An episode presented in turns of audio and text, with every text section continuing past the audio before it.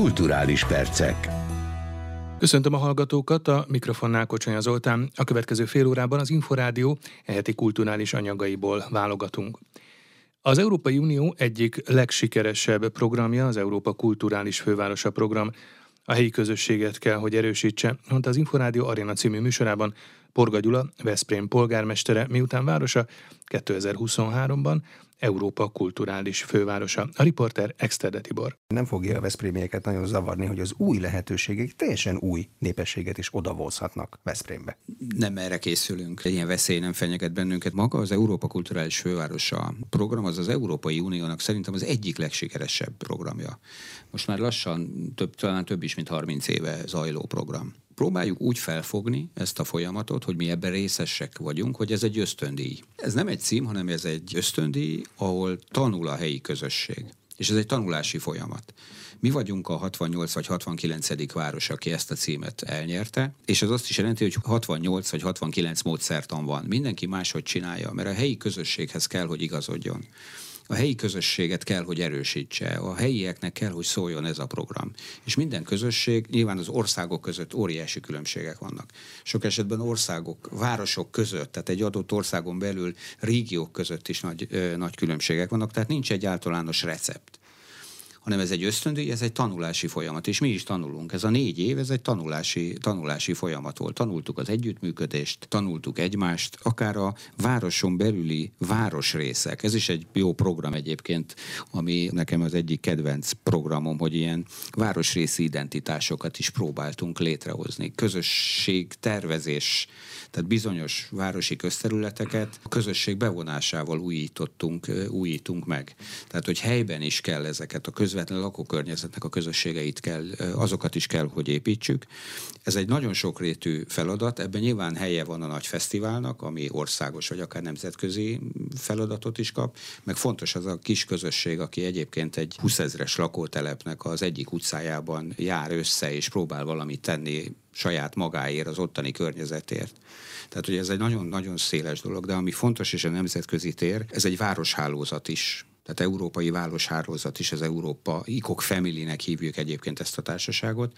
Tehát azok, akik ezekben a győztes városokban valamikor programot hajtottak végre, azok részesei ennek a városhálózatnak, és folyamatos a kommunikáció közöttünk. Tehát ebben a 68 városban, akik korábban viselték a címet, pontosan tudják, hogy hol van Veszprém, pontosan tudják azt is, hogy egyébként milyen programokkal csinálunk, és bízom benne, hogy lesznek olyan projektjeink, lesznek olyan eredményeink, amelyek beépülnek az Európa Kulturális Fővárosa emlékezetbe, és esetleg más városok átveszik tőlünk. Porga Gyulát, Veszprém polgármesterét hallották. Nekünk írták a dalt a magyar populáris zene hőskora és társadalmi hatásai 1957-től a rendszerváltozásig címmel vasárnaptól várja a látogatókat a Magyar Zeneháza első időszaki kiállítása. A tárlatról Rozgony Ádám kérdezte Bata Andrást, a Kulturális Intézmény ügyvezető igazgatóját.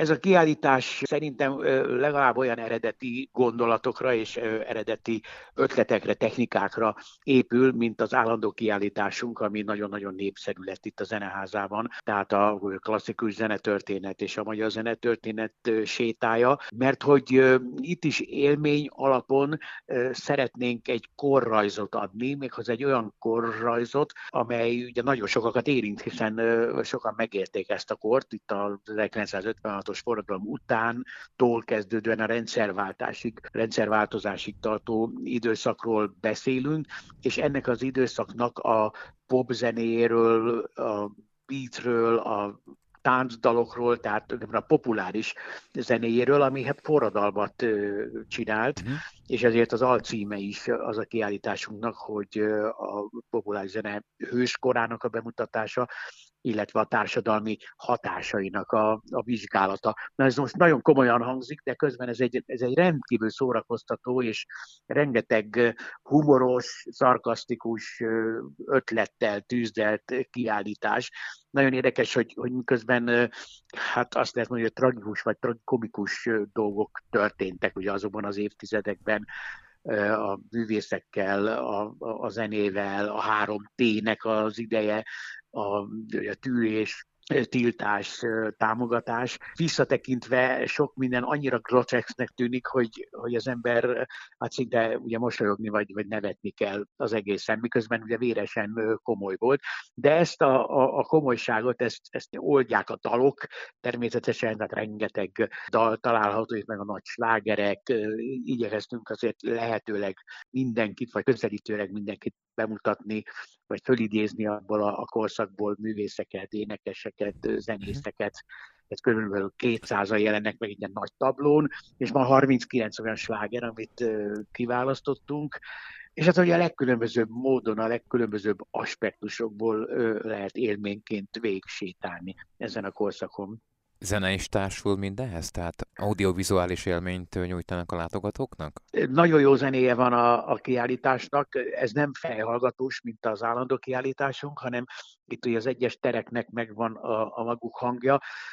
Ugye rengeteg dal, ami kvázi lúpolva állandó körforgásban hangzik el, de vannak elmélyedési pontok is, amikor, amikor bizonyos stílusokat, tehát klasszik pop, klasszik rock, táncdal, folk beat, és így tovább, tehát egy csomó különböző műfaj és, és stílus jelenik meg itt. Tehát, hogy akik a, a zenékre, vagy zenet történetre is kíváncsiak, azok is megkapják itt, ami, ami érdekelheti őket, de hát a, a, a, nekem a, számomra a legnagyobb truváj az a, a zene és a politika miénk itt a tér, ugye kölcsönözve egy, egy híres nótának a, a, a címét, ezzel a címmel van egy olyan, olyan installáció sorozat, ami, ami egészen különleges, tehát kezdve azzal, hogy egy, egy flipper játék, ahol egy, egy golyót kell ugye kilőni, virtuálisan egyébként, hogy hogyan jut el vagy juthatott el, vagy juthatott volna el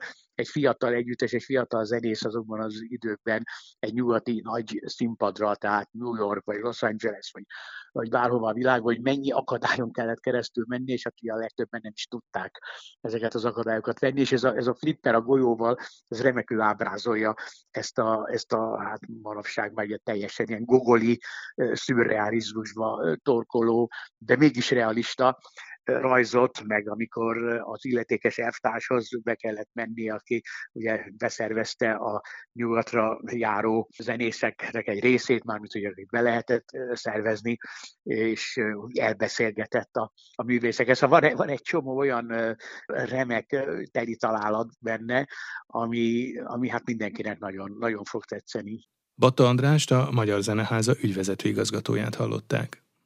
19 falusi és városi színjátszókör amatőr társulat színházi műhely érkezik a következő napokban Budapestre, hogy bemutatkozzon a Nemzeti Színházban. A Nemzeti Művelődési Intézet és a Magyar Teátrumi Társaság idén már a 8. Pajta Színházi szemlét rendezi meg. Szabó Ágnessel, a Magyar Teátrumi Társaság alelnökével Rozgony Ádám beszélgetett. Az eredeti gondolat, amit azóta is tartunk, az az, hogy a 100-120 évvel ezelőtti Magyarországon, vagy a Kárpát-medencében, illetve szokásként mindig is volt az emberekben a színjátszás iránti vágy, hogy összejöjjenek kis településen, nagyobban játszanak, legalább egy évben egyszer előadtak valamit, vagy a, éppen a agilis tanító, vagy a, akár a plévános, mindig volt egy szép lány, aki szépen énekelt, vagy mindig volt egy nagymama, aki nagymama szerepet tudott játszani. Saját örömükre játszottak, körülbelül 2000 ilyen színjátszókör létezett, nyilván erre pontos statisztika nincsen, de nagyjából nagyjából ennyi, és ezek nem amatőr színjátszók voltak, nem voltak díjak, nem voltak oklevelek, nem volt semmi se, egyszerűen csak csináltak valamit, és abban örömüket lelték, és akik nézték őket, ők is. Ez a színjátszókörnek, a mai Pajta Színházi színjátszóköröknek a lényege. Tehát a Nemzeti Művelődési Intézettel közösen, ez egy együttműködési megállapodás, amit még 2015-ben, vagy talán 2014-ben kötöttünk, hogy a közművelődés és a színházművészet összefogott, közösen létrehoztunk egy rendszert, kidolgoztunk egy rendszert, én lettem a szakmai koordinátora ennek, és elindult 15-ben már maga a munka, és 2016. januárban a Kultúra Napja közelében, ahogy a Nemzeti Színház mint befogadó tudta fogadni a kétnapos rendezvényt, ezek a települések a frissen alakuló, vagy valamikor volt, de aztán mégsem, tehát valahogyan, ahol, ahol újra szinte 80%-ban mindig elindító vagy újraindító dolog volt, meg most is az, jöjjenek a nemzetibe egy szemlére, ahol megmutathatják magukat. Honnét is érkeznek tehát ezen Pajta Színházak képviselői, és milyen előadásokkal mit láthatnak majd az érdeklődők? A 19 megye mindig egy-egy települése, mindig új. Ez a lényege, hiszen éleszteni szeretnénk ezt a törekvést közösen a Nemzeti Művelési Intézettel. Nyilván a színházművészet, vagy a Tártomi Társaság nem, nem titkolt vágya, hogy egyben azért nézőt is neveljen. Tehát, hogyha nem is, nem is kollégát, mert nem ez a cél. Bár nyilván vannak példák arra, hogy valaki valamikor egy, egy gyerek színjátszó csoportból, vagy egy amatőr színjátszó csoportból indult, vannak erre nagy példák is, és hogyan lett aztán komoly színművész, de nem ez a cél. A cél az, hogy tulajdonképpen csak az örömét lelje, amit mondtam, közösségformáló, tehát kapcsolatteremtő, mert különböző generációk hozzák létre, tehát a nagymama, a unoka, a, a férje feleséggel, a polgármester úr, a nem tudom, tehát nagyon érdekes összetétele van egy ilyen megalakult csoportnak, akik egyébként tulajdonképpen idegen emberek, vagy hát a faluból ismerik egymást, de nem alkottak eddig mondjuk ilyen típusú közösséget, ami egy próba. Tehát 19 megyé megyéből mindig egy-egy település, ez a lényege, és mióta ez zajlik, az idén a sorszámozhatjuk ezt, akkor a 120-tól a 139. településig, tehát mindig 19 érkezik a Nemzeti Színházba. Szabó Ágnest, a Magyar Teátrumi Társaság alelnökét hallották. Bodrogi Gyula főszereplésével mutatja be a Nagymester című darabot a Karinti Színház, a Nemzet Színészet címmel kitüntetett Kossuth és kétszeres Jászai Mari Díaz színművésznek készített előadásról Rozgony Ádám, a rendezővel, a teátrum igazgatójával Olt Tamással beszélgetett. Ezt direkt Jussi bácsinak írtuk ezt a, ezt a darabot. Igazából pár év előtt már felmerült, beszélgettünk vele még a Nemzeti Színházban, és ő mondta nekem, hogy igazából neki már ilyen nagyon nagy szerep kívánsága nincsen, ami, amire felkérik, azt legtöbb esetben elvállalja, jól el van, ő már eljátszotta igazából, amit szeretne sokszor, de igazából még egy örülne egy olyan, egy, egy ilyen utolsó komédiának, ami egy kicsit szól, egy kicsit amolyan hattyudala neki. Mondtam, hogy de, de hiszen azt már eljátszottam, mire mondta, hogy nem, hát a Páger volt. Uh-huh. És akkor vázoltam föl neki a, a nagymesternek az ötletét, amiben volna egy furcsa misztikus öreg úr, egy morgós öreg úr. Van egy fiatal ember, akinek más, más problémája van, ez egy állami gondozott fiú, aki, aki egyszer nem tudja megvetni a lábát kint a való világban, és ez a két ember egymásra talál. És az, uh-huh. ez a furcsa morgós öreg úrról kiderül, hogy ő annyira nem morgós, annyira nem furcsa, és, és nyilván ő is valamit kompenzál ezzel. A fiúról is kiderül, hogy azért ő se egy életképtelen, stb., hanem csak egyszer mind a kettőikhöz kellett egy kulcs, ami, ami kinyitja őket, és ezt egymásba találják meg, a fiú egy új értelmet ad az úrnak, az, az idős úrnak és az ő, és az ő életének egy új feladatot, küzdelmet, ha úgy tetszik, az öreg pedig a fiú élni tanítja, tehát nem is arról van szó, hogy, hogy felkészít valakit egy idős színész egy felvételire, hogy annak sikerül a színészetbe bejutni, hanem ennél kicsit többről, de nyilván ehhez a, a közös nyelv az a, az, a, az a színház lesz. Egyébként hogy van ő? Tehát hogy van Bodrogi Gyula? Le is kopogom gyorsan, hogy remekül van Gyuszi bácsi. Ugye ő, ő neki, de hát ez egy tudott dolog, nem bulvárkodom, hogyha, hogyha azt mondom, hogy ugye a nyáron volt neki műtétje, volt került kórházba, stb. Voltam nála többször azóta, és eleinte, eleinte látszod, hogy fogyott is, nehezen is jár, és aztán szépen ez így viszonylag hamar elmúlt, tehát, hogy jó színben van, jó formában van, nem akarom spoilerezni az előadást, de táncol és perdül.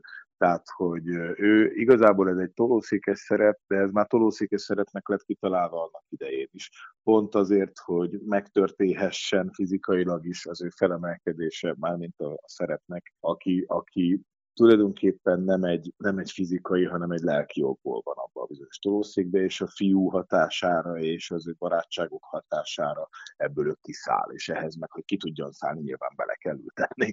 Olt Tamást, a Karinti Színház igazgatóját hallották. A Stúdió K Színház az Utazás az éjszakába című színdarabot tűzte műsorára, az előadás hősei, a teljes reménytelenség megtestesítői, szeretet és gyűlölet rabjai, olyan emberek, akik nem képesek megfelelni sem a társadalom, sem a családeszmény elvárásainak.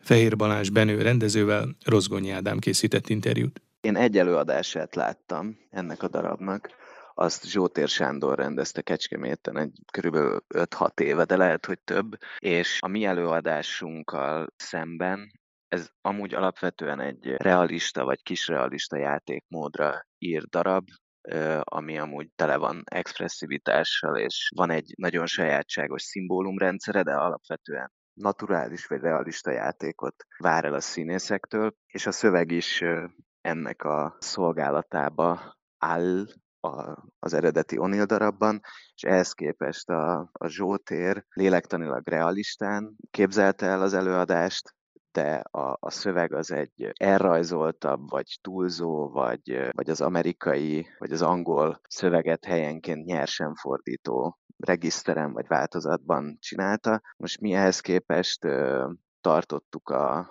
az O'Neill nyelvét, ha bár a Vas István fordítás, amiben legtöbbször játszák ezt a darabot, azt porosnak gondoltuk egy kicsit, és uh, irodalminak, és ehhez képest a Laboda Kornél. Mitől egyébként? Hát valószínűleg azért, mert uh, 50 évvel ezelőtt készült. Hát egész egyszerűen érződik rajta, hogy a fogalmazásmód az irodalmi, nem, még valószínűleg annak a kornak sem a, a köznyelvét, vagy a köznapiságát hozta ki, hanem keresettek a megszólalások, és hát egész egyszerűen érződik rajta, hogy egy ilyen irodalmi regiszteren szólal meg, és ehhez képest a Laboda Kornél most egy, egyel talán nyersebb szöveget készített. Ami nálunk, hát azt nem mondanám, hogy revelatív, mert nyilván csináltak már ilyet, hogy egy lakásban játszódik az előadás. Tehát, hogy úgy kell elképzelni, hogy a nézőket behozzuk egy lakásba, ahol bele nézhetünk, hogy ez a család hogy él, vagy hát egy napjukat követjük. Fehér Balázs Benő rendezőt hallották. Új kiadásban jelentek meg Szent István király Imre Herceghez intézett intelmei. A Szent István király intelmei régen és most című könyvben most először egymás mellett három nyelven is olvasható a mű, magyarul, angolul és latinul. Rozgony Ádám kérdezte Gulyás Gábor esztétát a kötet szerzőjét. Ennek a műnek az egyik érdekessége azon kívül, hogy az első fennmaradt magyar irodalmi, egy irodalminak tekinthető műalkotás, az az, hogy, hogy ez nem vesztett az aktualitásából, ma is olvasható. Nem egy avittas szöveg, amit csak az olvashat el, akit érdekelnek a, a régiségek, hanem csupa olyan mondat van benne, ami ma is megtalálhatja az olvasó érdeklődését, Nyilván nagyon-nagyon másként, mint ezer évvel ezelőtt.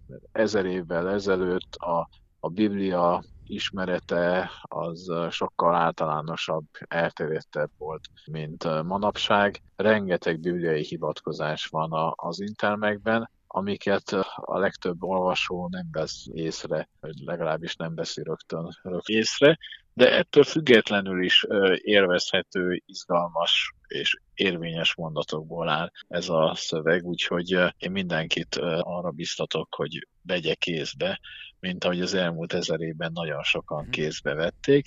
Nyilván főként a könyvnyomtatás után, de előtte is ugye nagyon sok változatban fönnmaradt, nagyon sokat másolták, amikor még nem volt könyvnyomtatás. Ugye a bencések már nagyon korán másolták az Intelmek szövegét, aztán más rendekhez tartozók is készítettek másolatokat, úgyhogy nagyon sok szövegvariáns maradt fönt. Mhm. A kötetben tanulmányok is szerepelnek, ezek miről szólnak, és mennyiben könnyítik meg a alapszövegnek a megértését? Azt mondtam, hogy aktuális és izgalmas az Intelmek szövege, és mindenkit biztatok arra, hogy olvass el, de mindig van valamilyen apropója vagy motivációja annak, hogy amikor megjelenik egy ilyen szöveg. Ennek a motivációja leginkább az volt, hogy sikerült rekonstruálni, visszaállítani a Szent István termet a Budai várban, a várkapitányság munkájának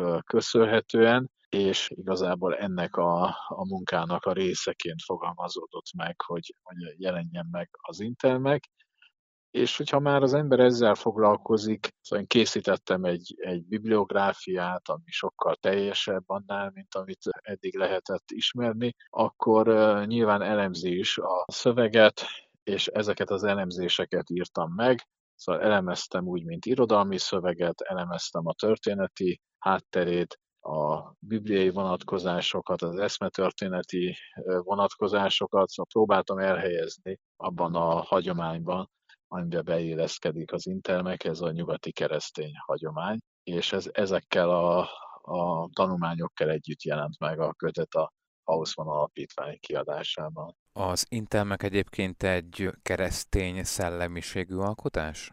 Igen, abszolút keresztény szellemiségű. Rengeteg a, a bibliai hivatkozás, értelmezés, vonatkozás, de nem kell hozzá kereszténynek lenni, hogy az ember értse, élvezze, egyetértsen vele, mert olyan erkölcsi megfontolásokat lehet olvasni, amelyek ennélkül is befogadhatóak és, és érthetőek. Szóval nagyon sok szintje van a szöveg, mint ahogy minden jó szövegnek sok szintje van.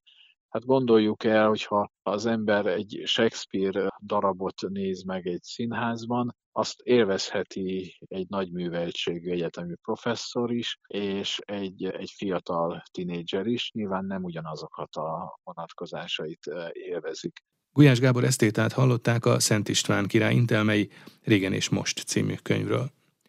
Az elmúlt fél órában az Inforádió heti kulturális anyagaiból hallottak válogatást. A felelős szerkesztő Ilis László, valamint a szerkesztő Rozgony Ádám nevében is búcsúzik a műsorvezető Kocsonya Zoltán. Köszönöm, hogy velünk tartottak. A kulturális perceket hallották.